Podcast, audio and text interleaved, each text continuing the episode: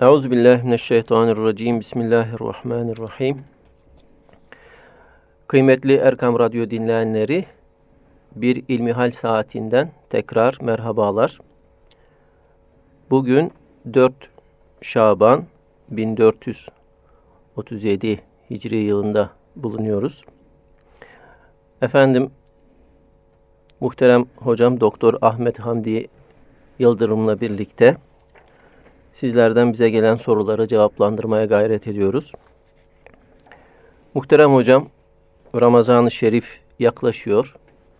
E, bu programda zekatı konuşalım arzu ediyorum. Birçok Müslüman din kardeşimiz zekatlarını Ramazan ayında veriyorlar. Öncelikle zekat ne demektir? Sorusuyla başlayalım. Elhamdülillahi Rabbil alemin ve salatu ve selamu ala Resulina Muhammedin ve ala alihi ve sahbihi ecmain. Evet, Hicri aylardan bir yeni aya daha girmiş olduk. Halkımızın diliyle üç ayların ikincisine Şaban-ı Şerife girmiş olduk. Bu ayda Hazreti Peygamber aleyhissalatu vesselam Efendimizin bolca yaptığı dua Allahümme barik lena fi Recebe ve Şaban ve bellighna Ramazan duasıyla Amin. biz de başlamış olalım.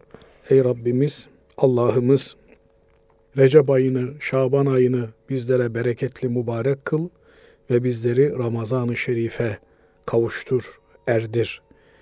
Zira Ramazan-ı Şerif büyük bir ay, büyük bir festival, büyük bir fırsat, büyük bir panayır, ibadet panayırı. Cenab-ı Allah bu aya kavuşanlara hadsiz müjdeler veriyor.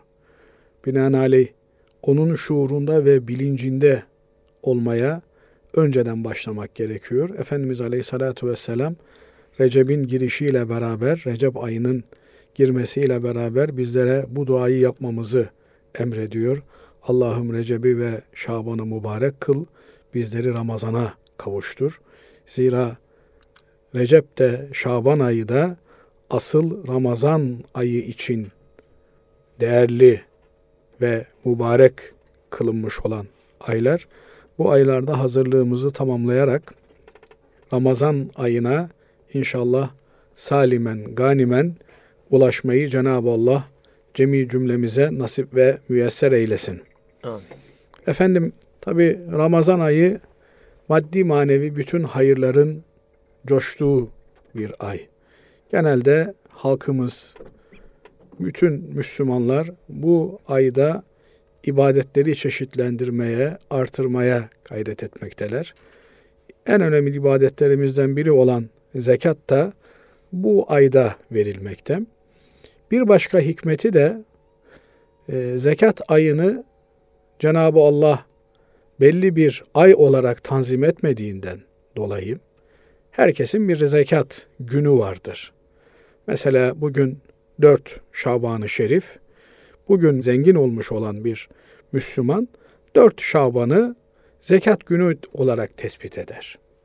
Onun hayatında 4 Şaban zekatın hesaplanacağı, e, ayrıştırılacağı gün olarak kayıtlara girmiş demektir. Artık onun rüznamesinde günlük olarak tuttuğu defterinde her yılın 4 Şaban'ı zekat hesap günüdür. Sabah namazından sonra oturur, zekatını neyi var neyi yok hesap eder. Ona göre kaç lira zekat tahakkuk etmiş ise onu bir zarfın içerisine koyar ve fakire fukaraya dağıtmaya başlar. Genelde hicri takvim Ramazan'dan Ramazan'a hatırlandığı için Ramazan ayı insanların maddi manevi coştukları da bir ay. Ramazan'da daha fazla infak yapma ihtiyacı hissediyor. Binaenaleyh Ramazan'ın birini genelde Müslümanlar bu tür hesap ve kitap için ayırırlar ve zekatlarını Ramazan'ın birinde hesap ederler. Daha uygun olanı aslında Şaban-ı Şerif'te işte Şaban'ın 15'i Berat Kandili'ne denk gelen günde bu hesaplamayı yapmak böylelikle önceden zekat olarak ne tahakkuk ettiğini bilip ayırmak ve Ramazan'la beraber de fakir fukaraya bir yardım olsun, rahatlık olsun diye vermek mümkün olur. Binaenaleyh Ramazan denilince zekatın akla gelmesinin bir hikmeti de bu. Uzun zamandan beri hicri takvimi kullanmayı terk ettiğimiz için bugün ayın kaçı dediğinizde hemen insanlar diyorlar ki işte bugün e, ayın 11'i. Halbuki bugün ayın 4'ü, 4 Şaban-ı Şerif. Binaenaleyh bunu hatırlatması açısından Ramazan-ı Şerif önemli bir fırsat. Ramazan durduğu sürece demek ki Müslümanlar hicri takvimlerini peygamberlerinin aleyhissalatu vesselamın hicretini hatırlayacaklar demektir. Şimdi sorunuza gelecek olursak zekat ne demektir? Zekat arınmak, paklanmak demektir. Öncelikle kelime anlamı olarak zekat bunu ifade ediyor. Peki bu arınma, paklanma, teskiye kim için söz konusudur? Yani arınan kimdir? Veya nedir? Mal mıdır, insan mıdır? Mal mıdır, insan mıdır, toplum mudur, nedir? Burada teskiye, arınma, aklanma, paklanma, çer çöpten, kirden, pastan temizlenme manası öncelikle insan için geçerlidir. Öncelikle zekatı veren kimse için geçerlidir. Müzekki dediğimiz zekatını çıkartıp veren kimse birçok habis, çirkin, kötü huydan, ahlaktan temizlenmiş, arınmış hale gelir.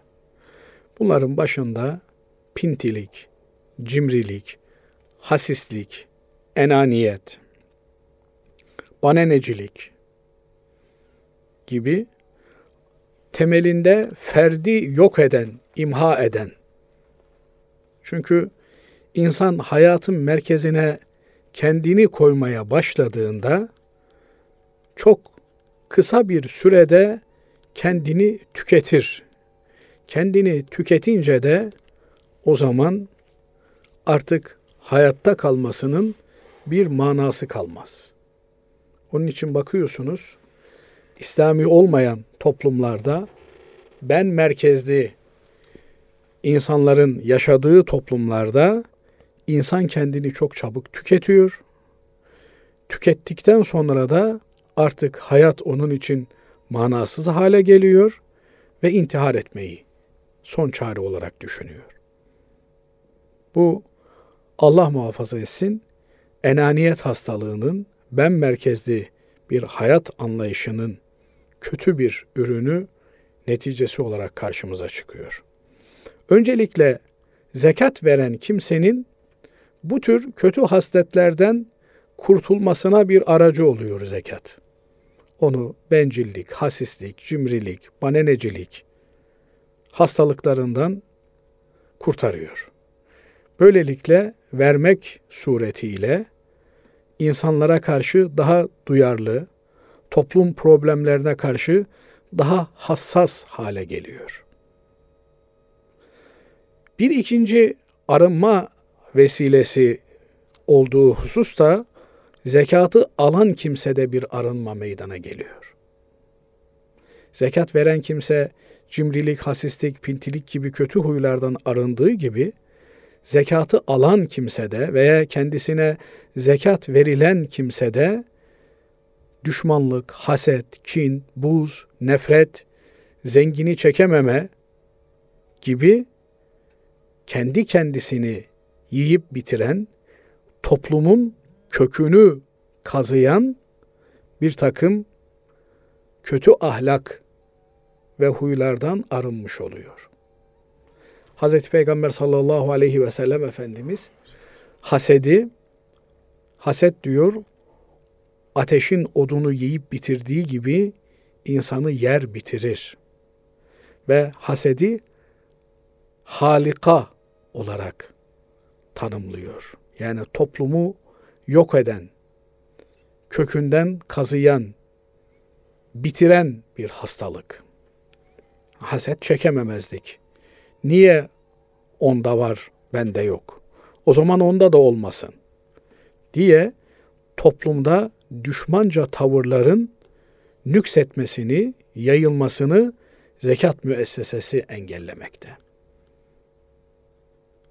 Fakir zenginin kendisine yardımcı olduğunu görünce bu sefer onda var olmasını yadırgamıyor. Aksine zengin insandan kimseye fenalık gelmez. Anadolu'da böyle bir söz vardır. Duydunuz mu bilmiyorum. Zengin insandan fenalık gelmez. Niye? Çünkü Anadolu insanının alışa geldiği zengin, fakirin, fukaranın, kimsesizin, yetimin, yoksulun, dulun yanında olan, onlara yardım eden zengindir. Yani Müslüman zenginden kimseye bir fenalık gelmez. Gelse gelse ne olur? Zekatıyla, sadakasıyla, hayratıyla, fitresiyle hayır gelir. Dolayısıyla zekatı veren kimse bu tür toplumsal infiallere karşı da önlemini almış oluyor. Bugün büyük şirketler, büyük fabrikalar, büyük işletmeler efendim sosyal projeler olarak bir takım hayır hizmetleri yürütüyorlar. Niye? E çünkü zenginliğin oluştuğu toplumda o toplumun zenginleşen kesim üzerinde bir hakkı var. Onu vermezseniz bunun faturası çok ağır bir şekilde ortaya çıkıyor. Diğer bir husus da zekat vermek suretiyle fakir fukaranın eline geçen bu para yine netice itibariyle zenginlere dönüp geliyor. Bir talep canlanması piyasada meydana geliyor. Ellerinde insanların satın alabilecekleri bir para yoksa o zaman zenginlerin ürettikleri malları kim alacak? Dikkat ederseniz bu yönde de devletler zaman zaman halklarına para dağıtırlar. Para dağıtmak için bahaneler kollarlar. Aksi takdirde iç talep azalırsa o zaman üretim ve talep dengesi, arz ve talep dengesi bozulacağı için topluma ciddi zararlar meydana gelecek, oluşacak demektir. Demek ki zekat, arınma, temizlenme manası hem zekatı verende net bir şekilde görülüyor. Zekatı verenin cimrilik, hasislik, pintilik, bencillik gibi kötü huylardan arınıyor. İkincisi yine zekatı verenin de lehine olmak üzere zekat alan kimse hasetlik, kin, nefret gibi kötü huylardan arınma imkanı buluyor.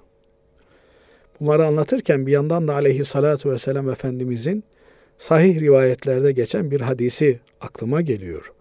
Efendimiz aleyhissalatu vesselam buyuruyorlar ki sizden önceki ümmetlerden birinde gece bir sadaka verildi. Sabah olduğunda insanlar o sadakayı adeta hafife alır, onunla istihza edermiş gibi bu gece bir zengine sadaka verildi diye gülüştüler. O akşam yine sadaka veren birine sadaka verdi.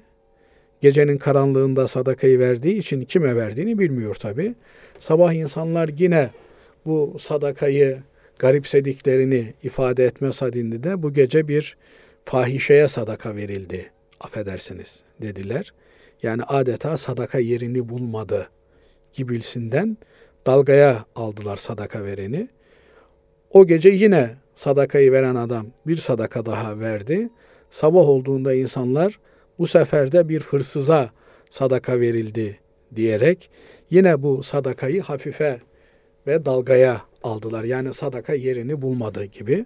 Efendimiz Aleyhisselatü Vesselam buyuruyor ki bu üç sadakada da sadaka yerini buldu. O zengin adam para almanın verdiği hazzı tatmak suretiyle artık bundan sonra ben de zekatımı, hayır hasanatımı düzenli bir şekilde vereceğim. İnsanlara bu mutluluğu tattıracağım dedi. Kötü yol yolcusu olan kadıncağız da demek ki rızık insana geliyor. Benim bunun için kötü yollara düşmeme gerek yokmuş dedi. O gece tövbesini ilan etti. Hırsız da yine aynı şekilde o gece tövbesini ilan etti. Demek ki çalmadan da Allah'ın takdir ettiği rızık geliyormuş dedi ve ondan sonra tövbekar oldu, hırsızlığı bıraktı. Demek ki bir insan eğer samimi duygularla ve içten bir şekilde ihlasla zekatını verirse o zaman verdiği kimselerde çok olumlu etkiler meydana geliyor. Bakın burada Efendimiz Aleyhisselatü Vesselam üç kesim insanın zekat veya sadakadan e, temelde istifade ettirilmeyecek belki. Yani bize kalsa biz bir hırsıza, efendim işte bir zengine sadaka verir miyiz? Vermeyiz.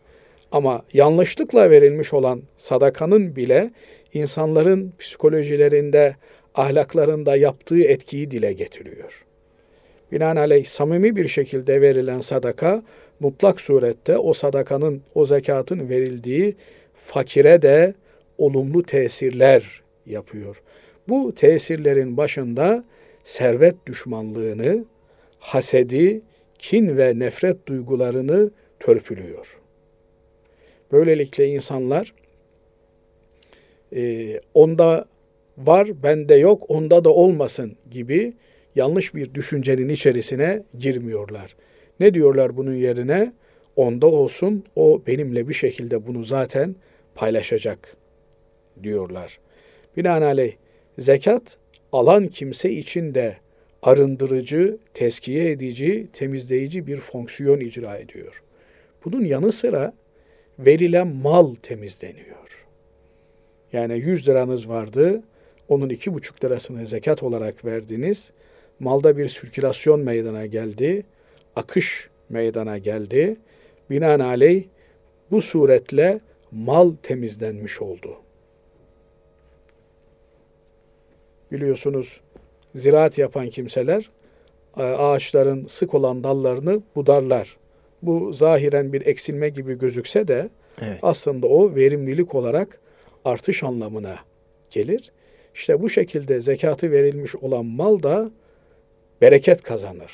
Nitekim Cenab-ı Allah Bakara suresinde faizin haram kılınışını anlatırken yamhakullahu riba ve yurbis sadakat. Allah faizin bereketini yok eder.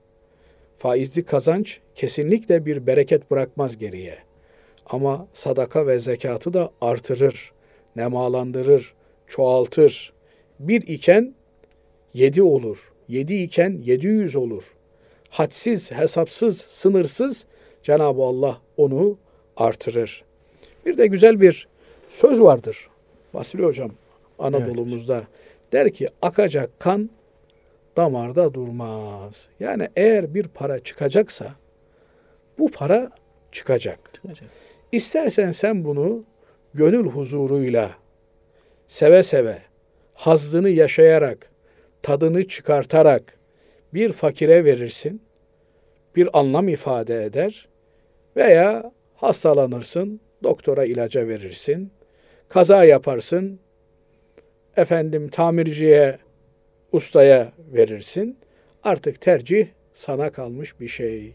Eğer o paranın senden çıkması yazılmış ise o para çıkacak. Dolayısıyla akli selim sahibi olan kimse bu parayı başka insanların mutluluğuna vesile olacak şekilde çıkartır. Kendisi ekstra bir zahmet ve masrafın altına girmiş olmaktan kurtulur. Dördüncüsü de bu fertlerden oluşan toplumda bir arınma meydana gelir. Temizlenme meydana gelir. Böylelikle toplum zenginiyle, fakiriyle mutlu ve huzurlu bir toplum haline gelir. Zira eğer bir toplumda aç insan varsa, eğer bir toplumda gıda güvenliği açısından kendisini güvende hissetmeyen kimseler varsa o toplumda tok olan kimselerin de kendilerini güvende hissetmeleri mümkün ve muhtemel değildir. Nitekim Hz. Peygamber sallallahu aleyhi ve sellem Efendimiz bir hadis-i şeriflerinde buyuruyor ki komşusu aç iken tok yatan mümin değildir. Ne demek mümin değildir? Yani bu hem mümin olmaya, imanlı bir birey olmaya mani bir durumdur. Hem de mümin demek güvende olan insan demek. Emniyette olan insan demek. Emanı olan, güvencesi olan insan demektir. Eğer senin bulunduğun mahallede, sokakta, kapının yanındaki evde oturan insan aç ise o zaman senin güvende olman mümkün değil. Bu adam aç, her şeyi her an yapabilir demektir. Binaenaleyh maddi ve manevi güven içerisinde, iman içerisinde olabilmemiz için toplumun asgari standartlarda bir hayat şekline sahip olmaları gerekir. Eğer böyle olmazsa o zaman orada sosyal travmalar başlar, patlamalar başlar ve toplum içten içe bir anarşiye doğru kayıp gider. İşte bütün bunların önlenmesi zekat dediğimiz müesseseyle olur. Cenab-ı Allah zekatı İslam'ın beş temel rüknünden üçüncüsü olarak beyan ediyor. Biliyorsunuz Hazreti Peygamber Efendimiz İslam beş rükün üzerine, beş ana sütun üzerine bina edilmiştir diyor. Bir tanesi kelime-i tevhid, La ilahe illallah Muhammedur Resulullah demek. İkincisi namaz, üçüncüsü de zekat. Cenab-ı Allah yine zekatı Kur'an-ı Kerim'de hep namazla beraber zikrediyor.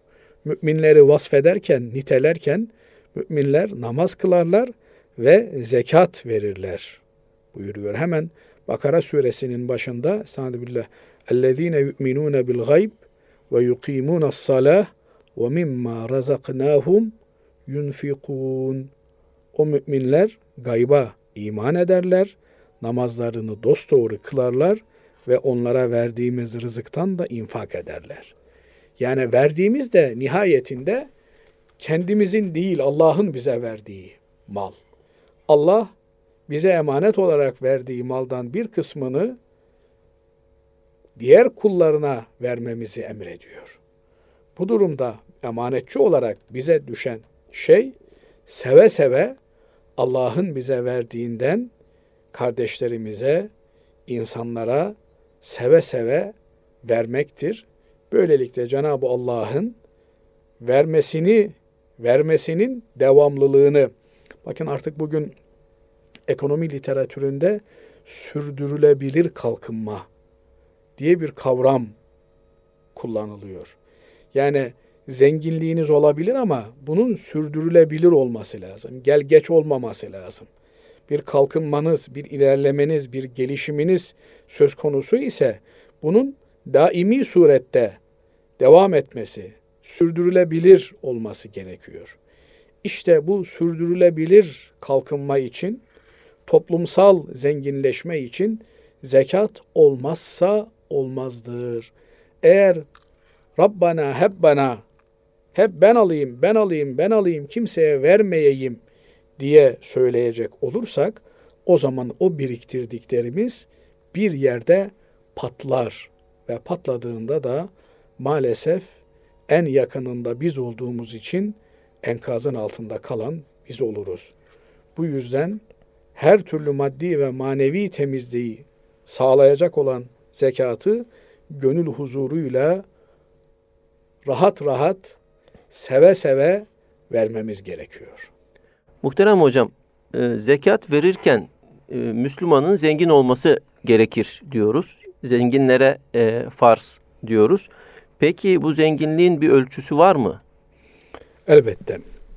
Hem zenginliğin bir ölçüsü var hem de takvimlerin zengin olduğumuzu gösterdiği günün büyük bir ehemmiyeti var. Şöyle ki dinimiz 80 küsür gram altına sahip olmayı bir zenginlik olarak değerlendiriyor. Bugün altının gramı 120 lira mesela. Evet. Gidiyor geliyor takip etmek de zor. Efendim 80 1 e 80.25 neyse 80 diyelim düz hesap. 80 çarpı 120 takriben 10 bin lira bugün için ediyor. 10 bin lira bir paraya sahip olan veya nami dediğimiz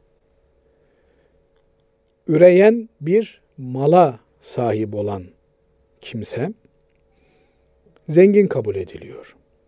Fakat bu malın havaici asliye denilen bir insanın kendisinin bakmakla yükümlü olduğu kimselerin bir yıllık asli temel zaruri ihtiyaçlarının üzerinde bir meblağ olması gerekiyor. Söz gelimi ben üç çocuk sahibi bir aile reisi olarak beş nüfuslu bir aileyi ben dahil geçindirmekle mükellefim.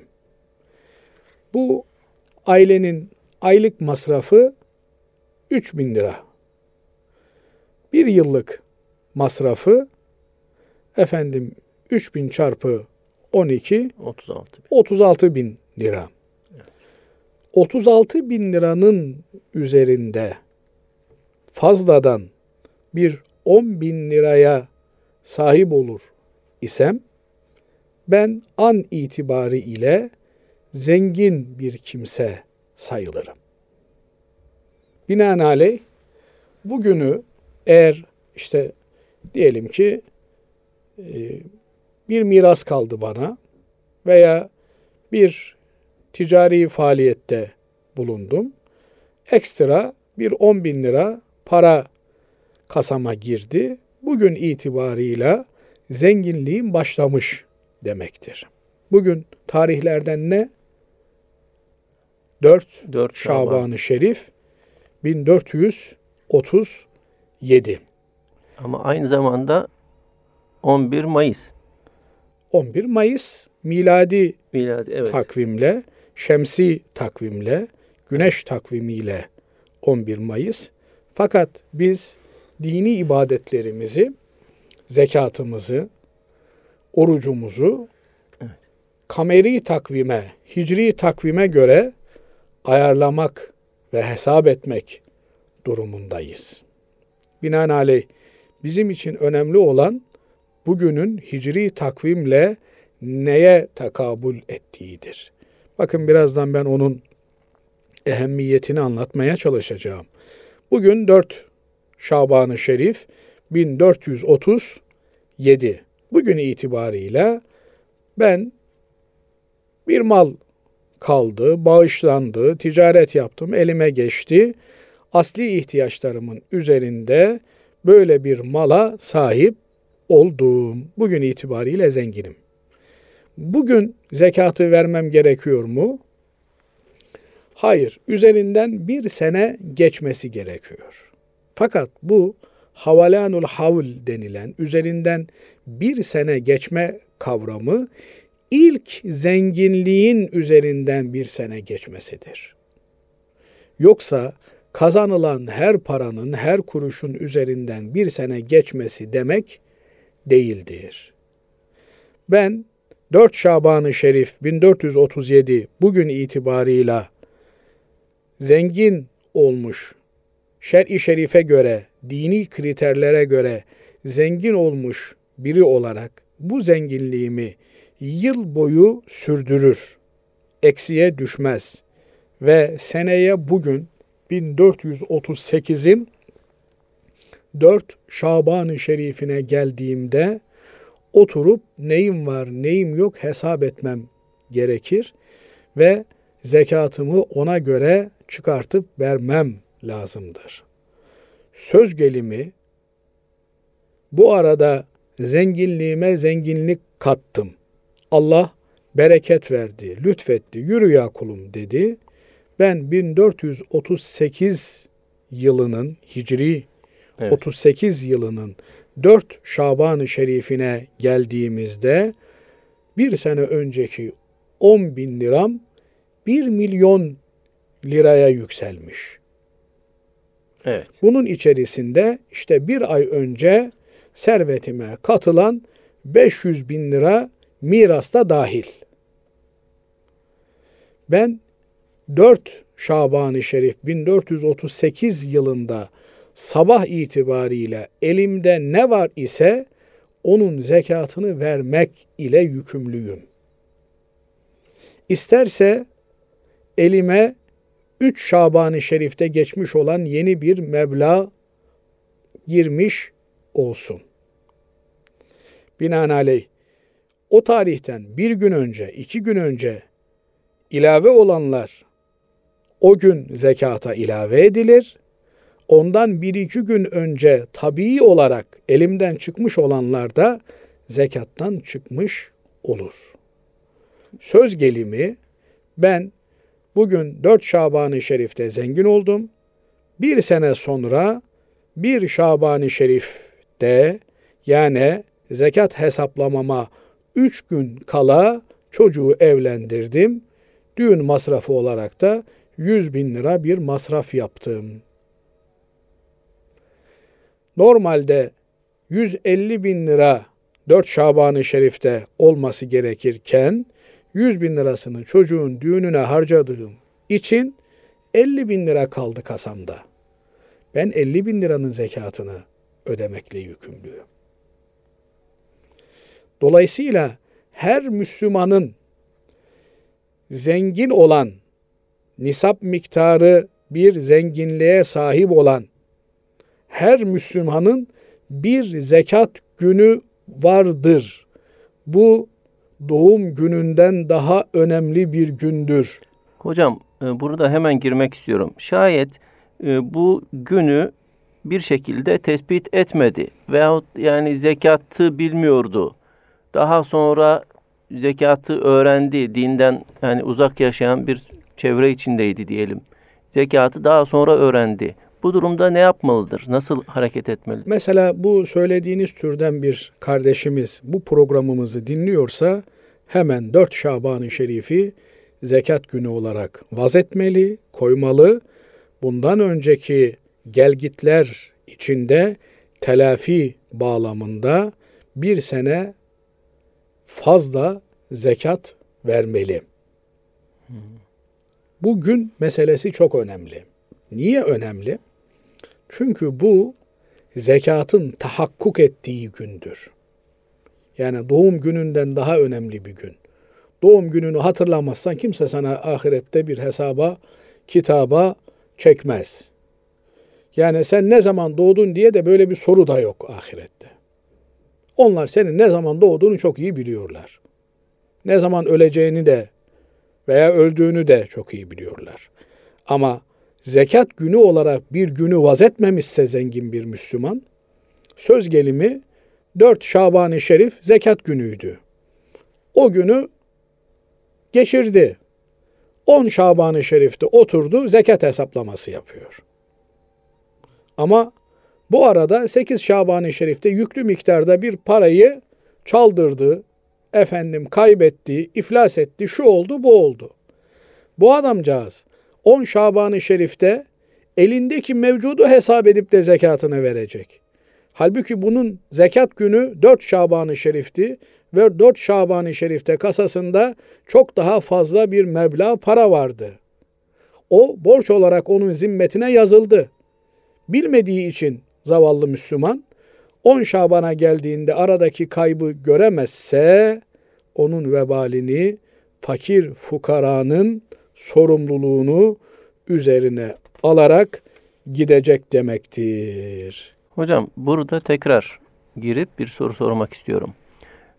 Nisap miktarına sahip olan bir kişi 6 ay geçti yıldan. 6. ayda nisap miktarının altına düştü. Ancak daha sonra 2-3 ay sonra tekrar bir para kazandı ve tekrar nisap miktarının üzerine çıktı. Bu durumda ne yapmalıdır? Bu durumda farklı görüşler olmakla birlikte doğru olan tarihin başı ve sonu itibariyle nisap miktarını elinde bulundurup bulundurmadığı meselesidir. Evet. Tabii bu nisap miktarı havaici asliye dediğimiz şeyin ihtiyaçların üzerindeki bir meblağdır. Bunu da belki biraz açmak lazım Evet. gelir. Ama aslında en doğru olan her Müslümanın nasıl eğer bir ticareti varsa, şirketi varsa bir muhasebeciye bu işlerini havale ediyor ise aynı şekilde zekatını da uzman bir hoca efendi nezdinde oturup konuşmalı, en ince detayına, ayrıntısına varıncaya kadar müzakere etmeli. Çünkü bu bir ibadet. Zekat bir ibadet. Bakın biz eee, şimdi zekatın nasıl verileceğini konuşuyoruz. Bir de verilmesi esnasında yapılması lazım gelenler var. Aslında inşallah bundan sonraki birkaç programda da bunları e, işleyelim. E, inşallah bizleri dinleyen sevgili dinleyenlerimiz, e, muhterem abilerimiz, kardeşlerimiz bu noktaları dikkate alarak zekatlarını hesaplarlar, hesaplama gayretine girerler. Binaenaleyh en küçük bir ayrıntıyı kaçırmak çok büyük bir vebal olarak karşımıza çıkar. Bu bağlamda e, büyüklerimizden nakledilen bir menkıbe vardır. Merhum Sami Efendimiz talebelerinden birine zekatını vermesini söyler. O talebesi de der ki efendim ben zekatımı bol bol veriyorum. Evladım der sen hesabını kitabını yap ondan sonra yine zekatını vermen gerektiği kadar ver. Hesabını kitabını yapınca bakar ki bu talebesi hakikaten önemli bir takım kısmı atlamış. Yani stoklarını atlamış olabilir, ham maddesini atlamış olabilir, yarı mamul maddeleri atlamış olabilir bir işletme için söylüyorum. Çok ince detayları ve teferruatları olabilir. Bunları e, uzmanlarıyla oturup konuşmak lazım gelir. Havai asiye dediğimiz şeyin içerisine kişinin oturduğu ev de dahildir. Yani çok e, kıymetli bir evde oturuyor olabilir işte dedesinden deniz kenarında bir yalı kaldı. Orada oturuyor 5-10 milyon dolar değerinde belki. E, kimse o evi sat da sen 300-500 bin liralık bir eve geç demez. Diyemez. Orada oturuyorsa o ev onun havacı asliyesidir. Binaenaleyh bindiği araba da böyledir. Ama bir kimse israf eder ise yani söz gelimi 10 liralık bir araba ihtiyacını karşılıyorken 100 liralık bir arabaya biniyor ise onun hesabı israf babından ayrıca ona sorulacak demektir. Ama zekat olarak bindiği araba mı bindiği araba o zaman zekattan muaftır denilir. Diğer taraftan iş aleti olarak kullandığı şeyler, fabrikadaki makine parkı, sabitler, efendim demirbaşlar yine zekat matrahına katılmazlar. Ama onun haricinde durağan olan demirbaşların haricindeki işlenmiş mamuller, ham maddeler, yarı mamuller, efendim depodaki, stoktaki mallar, çekler, senetler hepsi zekata dahil edilirler ve bunlar üzerinden zekatı vermek gerekir. Zekat haliyle Müslüman olan bir kimseye farzdır. Akli melekeleri yerinde olan bir kimseye farzdır ve bülü çağına ermiş olan kimselere farzdır. Çocukların mallarında zekat yoktur. Delilerin mallarında da zekat yoktur. Fakat hanımların mallarında zekat vardır. Mesela yeni evlenmiş bir çift e, hanıma bir sürü altın yapılmış. Efendim e, altınları 80 gramı geçiyor 150 200 gram kadar altın. O kadıncağız altın servetine sahip olduğu günü kaydeder. İşte bugünse 4 Şaban-ı Şerif der. Artık o e, altınlar o kadıncağızındır çünkü. Adam borç yapmış, harç yapmış, borca batmış, gırtlağına kadar borçta. Efendim onun mülkiyeti ayrı, eşinin mülkiyeti ayrıdır. Kadının mı bu altınlar? Kadının. Kocasının borcu var. Kocasının borcu kocasını ilgilendirir. Kadını ilgilendirmez. Dolayısıyla o e, hanımefendi bugün ise 4 Şaban-ı Şerif'i bir kenara not edecek. Üzerinden bir sene geçtikten sonra mesela 1438'in 4 Şaban-ı Şerif'i geldiğinde kendisine ilave olarak yapılan takıları da hesaba edek. Efendim ne olmuş? İşte 200 gram altını var.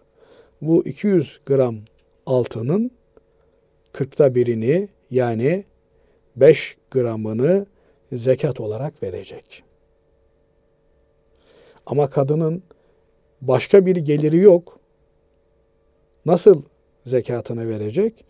İsterse bozdurur, 5 gramını o mevcut olan zineti üzerinden verir, isterse kenarda kıyıda olan parasından verir veya kocası isterse onun adına tasadduk eder, verir. Ama kocamın çok borcu var. Binaenaleyh bu altınların tamamını versek bu borçlar kapanmaz deme hakkı yoktur. Eğer çok kocanı düşünüyor isen altınlarını kocana verirsin. Kocanın borcunu kapatırsın. O adamcağız da borçtan, harçtan kurtulmuş olur. Yok ben bu altınları elimde saklayacağım diyor isen o altınlar senindir. Ananın ak sütü gibi sana helaldir.